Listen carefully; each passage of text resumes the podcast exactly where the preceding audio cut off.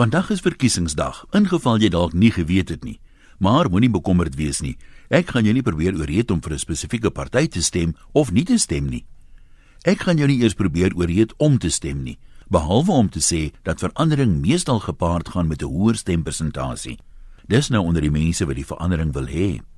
Barack Obama het Amerika se eerste swart president geword, grootliks omdat hy sosiale media slimmer gebruik het om lui stemmers by die stembus te kry.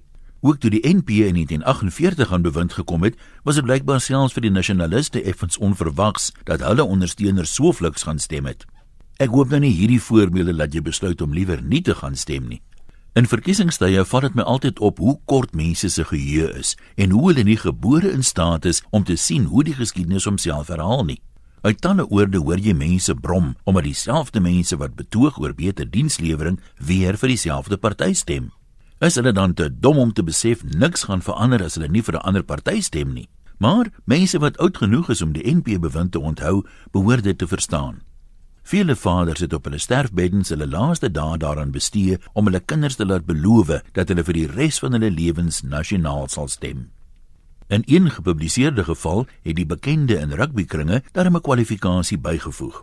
Behalwe as die Engelse begin nasionaal stem, want my kind, hulle kan nooit reg wees nie.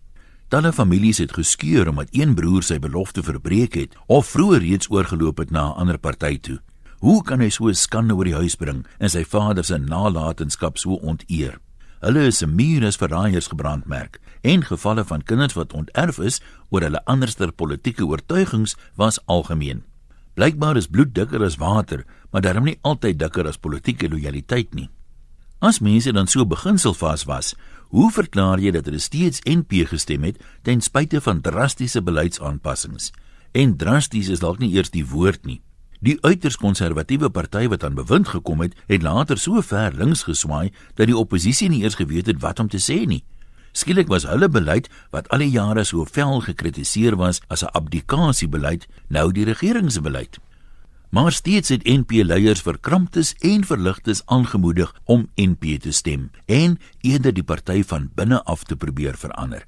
Dit het steeds gebeur byna 40 jaar nadat die NP aan bewind gekom het. Nou hoekom verwag jy lede van die ANC sal na kwaliek 20 jaar aan bewind anders optree as jou voorsate op wie jy so trots is?